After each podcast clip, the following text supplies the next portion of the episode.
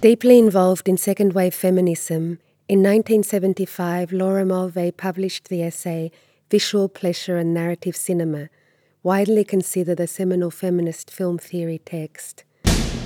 Conceived as a manifesto, as Mulvey explains in this conversation, her provocative essay applied psychoanalytic theory to the imaginary produced by the cinematic apparatus of classic Hollywood cinema from the 30s to the 60s, in which the man is the bearer of the look and the woman is the image. Mulvey advocated a political reading of psychoanalytic ideas and concepts such as voyeurism, scopophilia, fetishism, fear of castration, and so on, transferring the binarisms proposed by Freud to classical film narrative. In the text, Mulvey also coined the notion of the male gaze to refer to the power asymmetry in the representation of gender, thus emphasizing the patriarchal ideological agenda of the American film industry. Laura Mulvey engages in film practice from all possible angles as filmmaker, screenwriter, essayist, critic, academic, and teacher.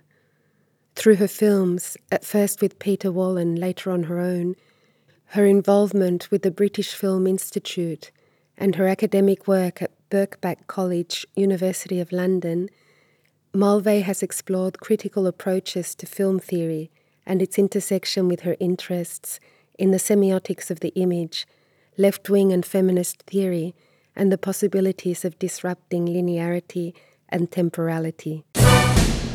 In this Sonia, Laura Mulvey contextualizes, updates, and elucidates on the far reaching impact of this key text, which she revised in later essays such as Death 24 Times a Second, Stillness, and the Moving Image.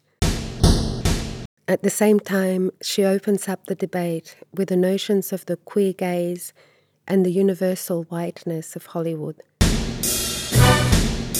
Mulvey also defends orality as a form of history from below, citing the example of compilation films, films that use archival footage rewritten with a new narrative, as a space for a new feminist film practice.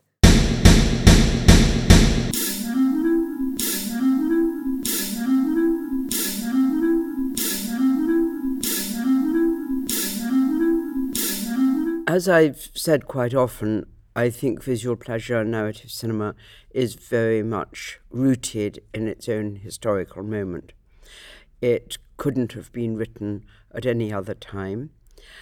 Um, it was written very much as a political manifesto, and in some ways, the cinema was secondary and the politics were primary it was an argument about the representation of women from a feminist point of view, and I was using the cinema because that was what I knew and loved. So there are three things that are worth commenting on, but there are two to begin with. First of all, people often ask me, why Hollywood cinema and why Freud? So both these questions lead back a little bit to my own history. Leaving aside my childhood love of cinema, etc., etc., my, what you could call it, my cinephile years during the 1960s were influenced by the French critics of the Cahiers du Cinéma, who were arguing for the cinematic importance of Hollywood cinema, that Hollywood mastered a language of cinema that was not literary, that was specifically cinematic. And a lot of us in London followed the Cahiers and we went to see the Hollywood films that they recommended and that they admired. So my life was really spent going to the cinema but to, primarily to Hollywood. Sometimes going to Paris to the Cinematheque, sometimes seeing other films like Rossellini or Mizoguchi that the um, Cahiers also supported, but mainly it was Hollywood cinema that I knew.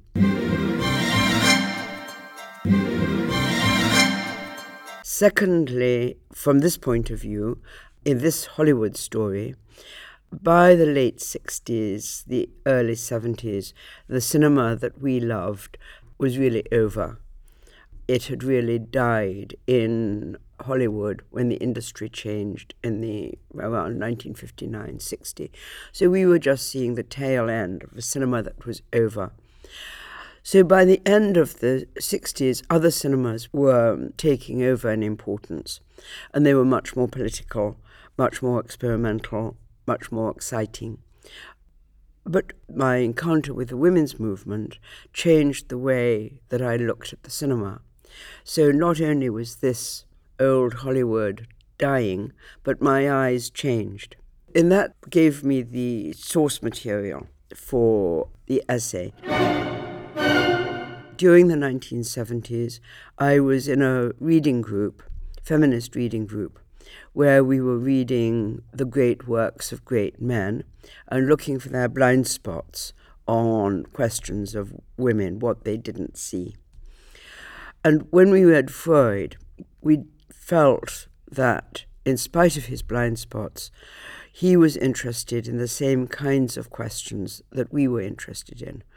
How gender was produced, what was the problem of the female body in patriarchal society, what were the anxieties that the female body produced, like castration anxiety, how does the child become gendered in patriarchy, and how does the child shift from a bodily relationship with the mother to the symbolic relationship with the father.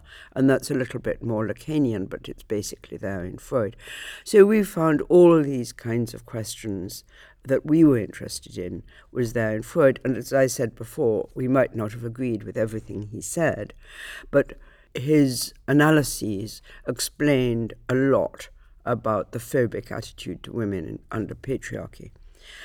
But I was also interested in how woman became spectacle. And I argue like this. In the early days of the women's movement, there was a political principle that the female body was a site of political struggle. So the logical next step was if the female body is a site of struggle, then images and representations of the female body are also a site of struggle.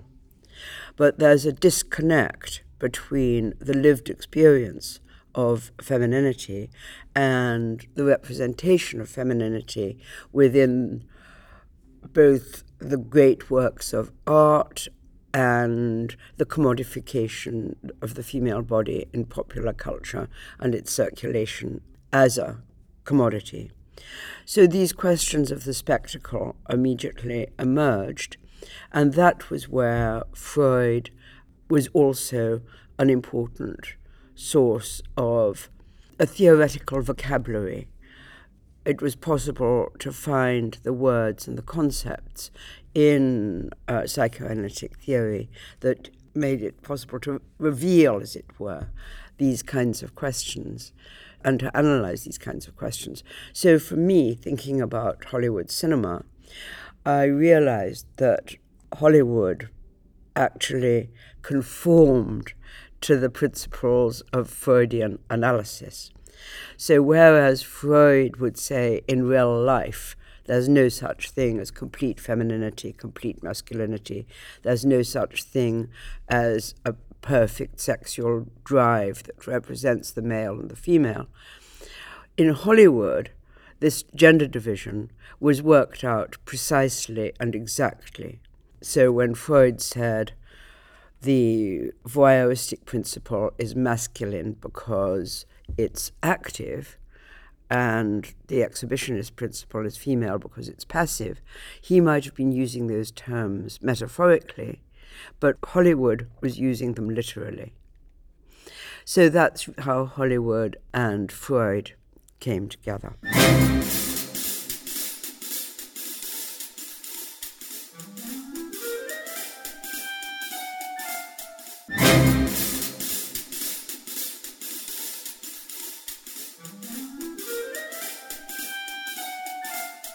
But also, I was interested when I wrote the essay, and this is another implicit dimension, that other cinemas were emerging and that it was possible to think about uh, revolutionary cinemas, what a woman's cinema might be. And although that's not in the essay, in some ways it's implied. It's my principle at the beginning to say cinema is now changing.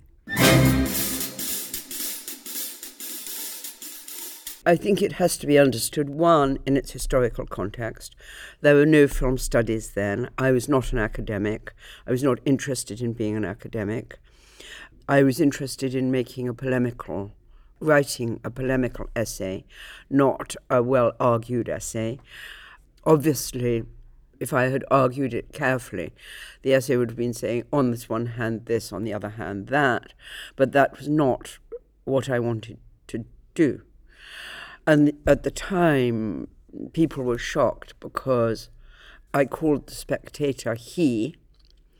But that was part of my polemical point. I wanted people to think, what does this mean to use he? I could have explained this, but I didn't bother. That I was using the he to point out that the spectator, whether actually male or female, was masculinized. So, in the same way that it was normal and natural in ordinary language to use the third person masculine as a one, as an on, in the same way the spectator in the cinema was masculinized as he. But that's one of the things I didn't bother to explain. I thought people could think about it and they could understand it if they wanted to and they wouldn't otherwise. But in a sense, um, from a personal autobiographical point of view, that was lying behind the essay was my own experience of watching the cinema pre women's movement and realizing that one of my pleasures in watching the cinema had been watching with a masculinized position. So taking up the position of the male identification, looking at the woman as spectacle from a male position, was what I was arguing. And then that when I started seeing with different eyes, I then stopped. I was then outside the discourse of that cinema. So I watched it rather than becoming absorbed in it, if that makes sense.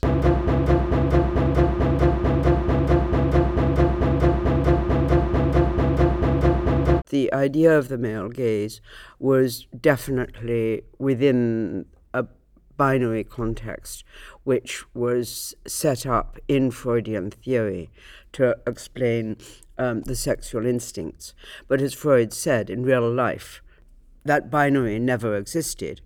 But in Hollywood, I felt that binary did exist. What I've never really bothered to do, I mean, if I was a proper academic or historian, or if I was more interested, it would be interesting to trace the different historical phases of the cinema. Because much later, I started to watch films of the late 1920s, and you see very different kinds of patterns of looking. You can see an active female desiring gaze. Not always, but it's not taboo. It's, it's not a taboo gaze. And very often the male figure is more feminized, more, more appropriate for a desiring female gaze. And the original and extraordinary work done on this was Miriam Hansen's essay on Rudolph Valentino, where she argues, I think very convincingly, that the Valentino phenomenon created a taboo in American society in which the danger of a beautiful man being exposed to the gaze of the cinema spectator was dangerous on two fronts. One, it broke the taboo of homosexual desire, and two, it broke the taboo of the active, desiring female gaze. And Miriam Hansen has a very complex argument about Valentino as outside the active protagonist of the narrative flow and how his image was more masochistic, etc., etc. Generally, is more in the binary Freudian terms, more on the feminine side. Anyway, she argues again that that was a kind of episode of social trauma, but I still think I mean I, that in some of the later films I was interested in Clara Bow. And then other kind of flapper films, young modern women films from across the world. There's a the international phenomenon I found very fascinating. So I think there's a way in which the cinema that I was very superficially and perhaps in a, in a, very cliched way arguing in visual pleasure was something that was very specific to its own historical period. It wasn't there wasn't anything essential there, except that patriarchal society does have its taboos. You know. But sometimes the taboos were looser, sometimes they were tighter, stronger. I think that two historical events that happened almost simultaneously that had a, a, very profound effect on the on the cinema, particularly in the United States, but also in other places as well. One was well, the coincidence, which is just within a year, is the financial crash of 1928 and then the coming of sound, which was universalized around 28 29. And as the, the financial crisis that led to the Great Depression also led to led to a rejection of the image and resonance of the young modern woman, the frivolous flapper, but also the young woman who works, has her own money, leads her own life. And with the crisis of uh, the depression and massive male unemployment, in a sense, the idea of the independent woman was relegated to the 1920s. And this is something that I haven't researched properly, but there was a sense when Roosevelt was uh, elected and became president, um, he was really speaking to the mass unemployment of the male.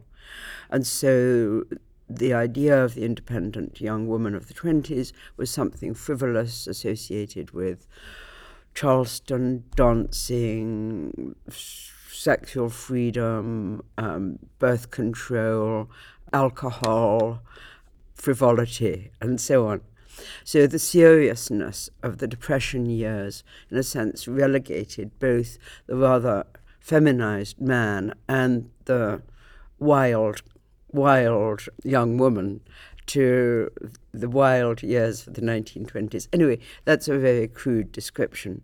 But at the same time, when the cinema learnt to talk, it also made a difference. And there were certain male actors who were considered to have insufficiently masculine voices, or they were not of the new type. So there was a sense of how would this transition work? How would the cinema discover a new masculinity that was appropriate for its time? Does that make sense? Yeah.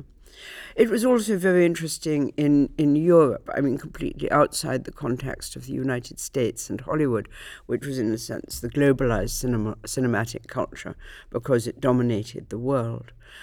But there was also a way in which, on a smaller scale, the depression brought with it the kind of narrowing of borders and the narrowing of cultures that we associate now with protectionism. So Trump, the United States president, saying America first, protect our borders, etc., etc. In a sense, that's reminiscent of the kinds of of uh, political cliche of the Depression, which coincided with the coming of sound, so that the national speech could be heard in the cinema at the same time as this new sense of closing in of national identity.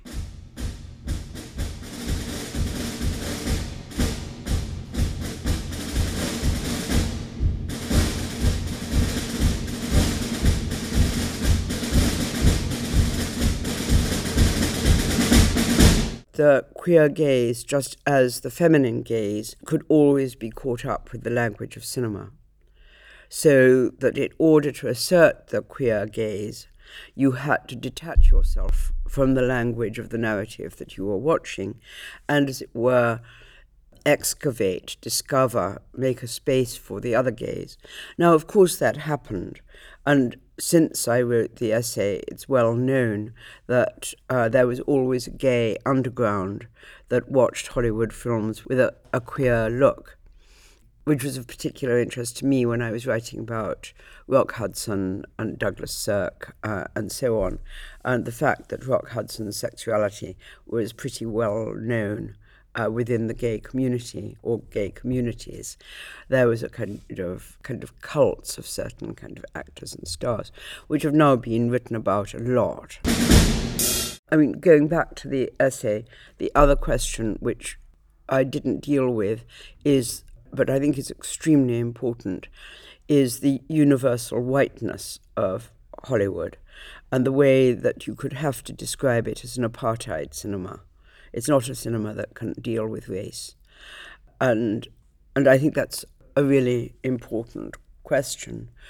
And uh, also to go back to the, the historical moment that we were talking about a little while ago, put it like this before the coming of sound, there was a, a, very significant rise in the presence of black performers uh, and of jazz in live performance in radio and particularly in records.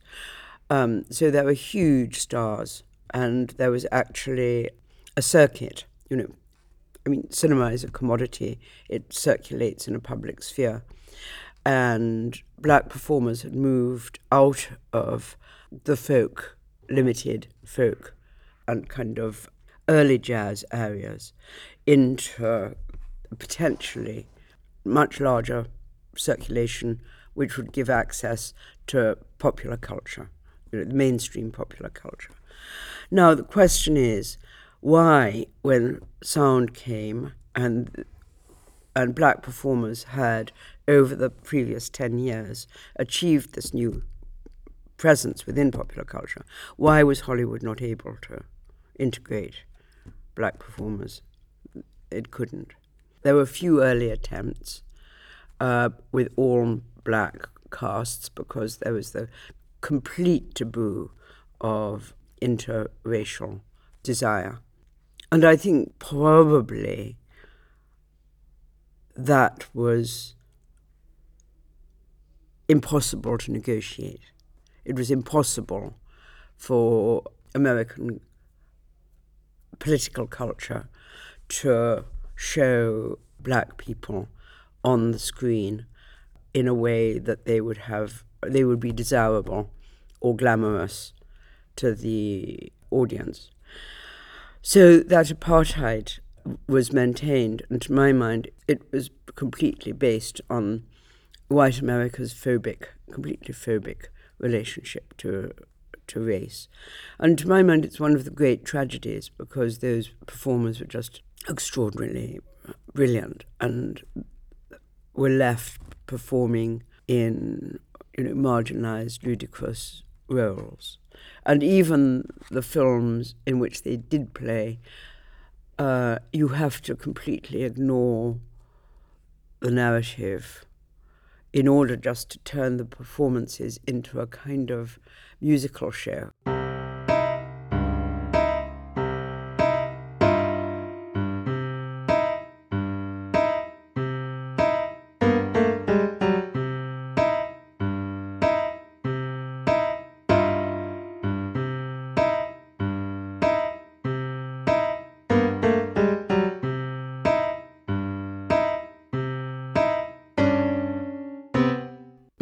Interest in Hollywood was more psychoanalytic. But during the 70s, in the UK and in other places in the world, there was a strong sense of trying to get back to the early modern identification between cinema as an instrument of thinking the modern, thinking the new, seeing the world differently, which we could associate with the Soviet uh, avant gardists or the French avant gardists so that, that cinema and well, particularly in the Soviet case, that the cinema was a liberating, uh, a liberating force ideologically and with a very specifically communist and revolutionary context. And during the 60s, there was a revival of interest in those early avant gardist movements.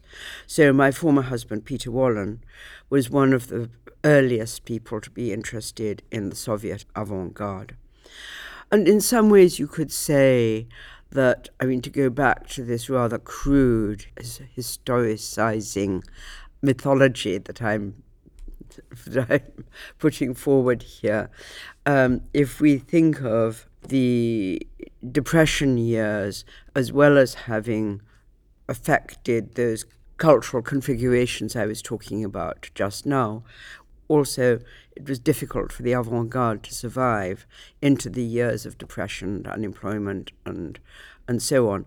In certain sense, again, to put it rather crudely, an avant garde flourishes in times of prosperity and energy and the ability to dream uh, a future. So we could see quite clearly that that interest in cinema and as an avant-garde medium disappeared in the crisis of the 30s. And it also it was because of this sense of fighting fascism, uh, the Soviet Union closing down under Stalinism, Germany, of course, going under fascism. And then the war, and then in the aftermath of the Second World War, the Cold War, and it was only very gradually that the world's, well, intellectuals say, managed to find themselves thinking experimentally once again. It was more possible to have that intellectual and creative freedom. So I think during the 60s, which was a period of um, comparative prosperity, you know, we had in the UK, we had the Labour government after the war, we had the construction of the welfare state. I'm not saying that by any means we got rid of class or we achieved equality, but the general situation of the country improved a lot. And so, to my mind, it was possible to think back across, jump back across the Cold War of the 50s, the War of the 40s, the Depression of the 30s, back to the previous avant garde of the 1920s, if you see what I mean. And Peter was very interested in that. So, although I was describing us as going to Hollywood cinema all the time, Peter was always interested in art, always interested in the avant garde. And during the 60s, these movies and the art began to be come into circulation again. And that was a big influence from the past. Also, for Peter, Godard was a big influence. His essay on counter cinema, which was about Godard's Vent d'Est, was a huge influence on him and his thought. It was a kind of step to come to the realization that cinema could work with ideas, what was a cinema of theory, and so on. So there are two things here. One is that in the UK, really building up during the 1970s, there was really a new movement of experimental filmmakers, which had a sense of communality and collectivity, and there was small amounts of money from the state and from other areas, which I won't go into that whole story here, which made it possible to make films. And then Peter and I, working together, were interested in expanding our works, written work on theory, to seeing whether we could make theory films. And that's where uh, Godard was an important influence. And also for me, the whole question of how to invent a new way of seeing through cinema that might be appropriate for a kind of feminist worldview, feminist politics. And so that was when we made our films in the late late 70s. But at the same time, working on the films with Peter, he was always very insistent that narrative was important, that stories were important, that you shouldn't give up storytelling, but think about how you tell stories. So it wasn't the story that was the problem, it was the mode of narrativity and the mode of narration. So in our films, we always wanted to have stories at the heart, but then think about how they should be told and how storytelling has lots of different forms. And I think that that's something that I would certainly hold on to. And my present interest in the compilation film and found footage film, again, it's a question of how stories can be told, as it were, confuse linearity and maintain the multivocality different voices of different temporalities and break up the univocal line. I should have made this more explicit, but they're influenced by feminist historians uh, who use oral history. Now, oral history is not just a feminist mode. Um, of history from below uh, is was articulated by various Marxist historians in the UK around the journal history, history workshop journal. And their questioning of how history is written, how history is told, was really completely revolutionary and generated a whole new generation of oral historians. I mean, or, again, oral history had existed before, but in this case it was being put forward very much as a practice of the left, and then also a practice of the feminist left, on the grounds that that women's histories, it hadn't been possible to tell women's histories because, from a formal point of view, women's history had to be marginalized within dominant history. So, to write women's history was to write also, very importantly, the taboo history of the female body.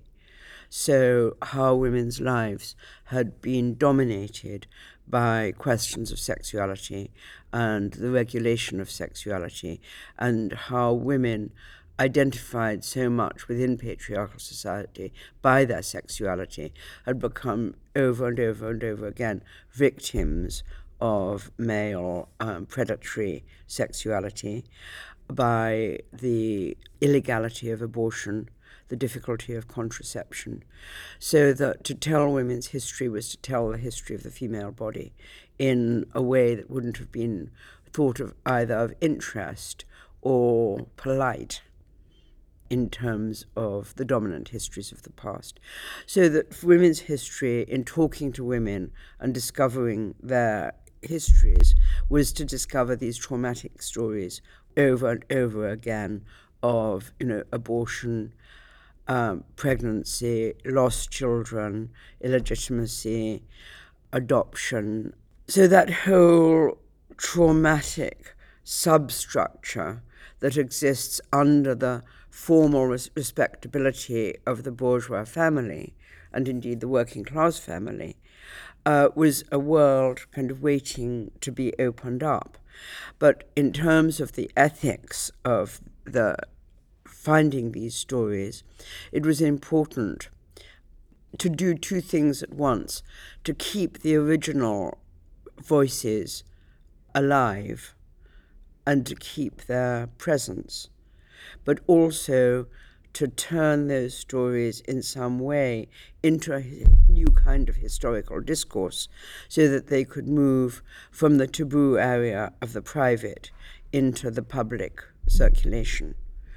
It was a question of maintaining the original voice, but also finding um, a new discourse in which it could find a public space. And that was one of the things that interested me about these compilation films, because they seem to be precisely doing that.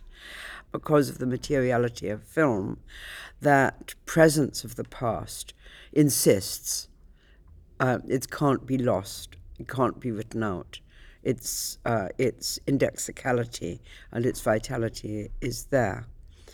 So, as I was saying, even in the most conventional compilation film, which has no political purpose, that double temporality is essential to the form. But if you then move on from the double temporality into questions of how the narrator, the new narrator, um, can either liberate those female voices that haven't been heard before or take material from the past and turn it upside down against itself. So that was where I was using the image of détournement, of how compilation can retell history by using material against itself, or it can find the voices of women and turn them into uh, a narrative discourse which still allows those voices to speak for themselves. It seemed to me, when I was thinking about visual pleasure from this perspective of the 19, mid 1990s, that the contemporary modes of spectatorship had changed so radically that the visual pleasure arguments were no longer really relevant.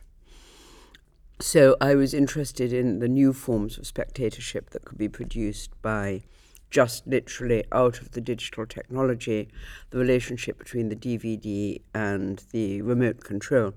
Now, of course, this had already existed for some time in um, video, in electronic. And a lot of the ideas that I put forward as digital ideas in Death 24 actually were things that I'd been thinking about right while I was watching ordinary VHS videos and pausing and so on. So, once again, as I was suggesting about my visual pleasure essay, there was an element of personal experience of spectatorship behind this. So, just as I argued, I saw cinema with a different eyes from after the women's liberation movement, I found I was discovering a new form of spectatorship when it was possible to have the power to interrupt the flow of the film and discover stillness within movement. So here I was primarily not considering questions of gender so much, but much more questions of time and temporality. Simultaneously, this new forms of spectatorship did affect gender and did affect the way that my argument in visual pleasure had, oh, let's put it like this I had argued in visual pleasure that the woman as spectacle slows the action, makes a pause in narrative flow. So I was interested in the way that once you actually literally paused the film and held the body, because I was particularly interested in uh, the relationship of the spectator to the body on the screen, how to, once you literally paused the image, it didn't matter if your object of gaze was male or female, both became equally exhibitionist to the voyeuristic gaze of the spectator. So this seemed to me kind of rather appropriately in terms of the our changing times in relation to gender roles. This broke down the very rigid binarism that I was discussing earlier that Hollywood had imposed on its uh, gender regime. And I was interested in seeing the way that that regime necessarily broke down when once the spectator became uh, control their own spectatorship, his or her own spectatorship. You know how to whistle, don't you, Steve? You just put your lips together and blow. And so it seemed to me that you could open up all kinds of different eroticisms. You could open up the male movie star, uh, however masculine, and eliminate the taboo of the homosexual gaze, desiring gaze. You could liberate the lesbian desiring gaze.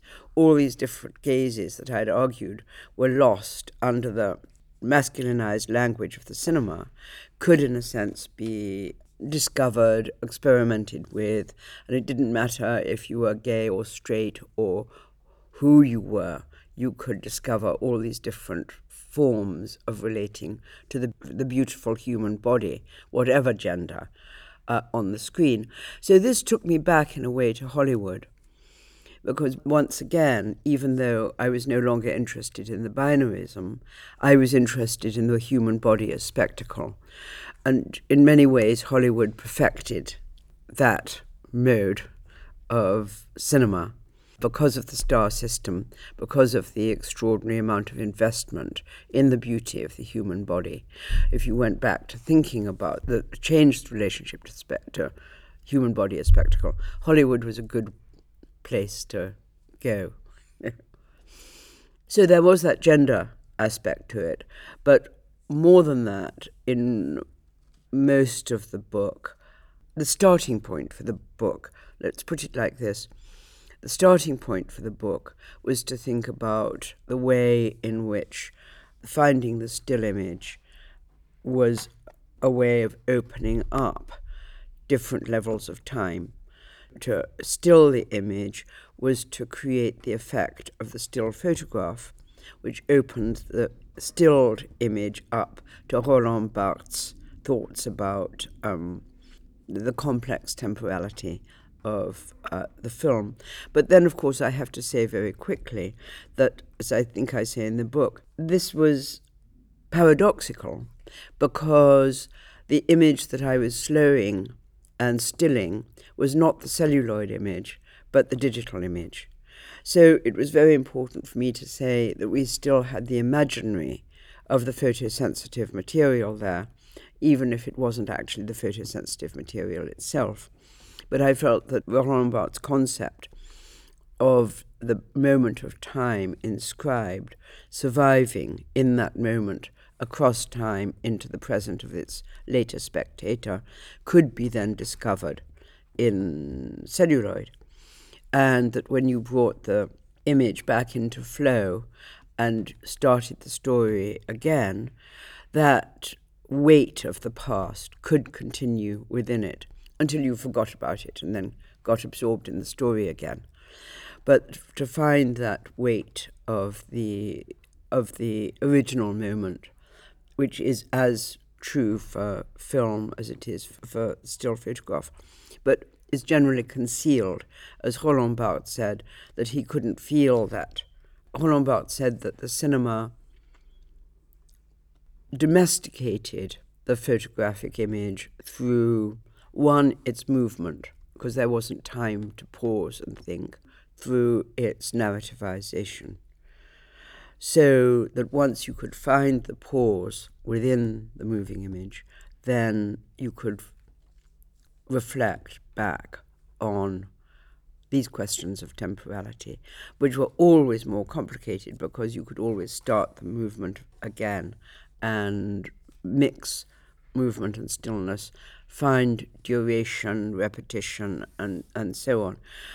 So, in a way, the book was kind of tribute to the huge complexity of cinematic time that it contains within it stillness, duration, the ability of to repeat, and the way that all these questions of relationship, stillness and movement, repetition, duration, elongation, or even kind of um, editing, are all ways in which the cinema finds formal ways of playing with time and considering questions of temporality.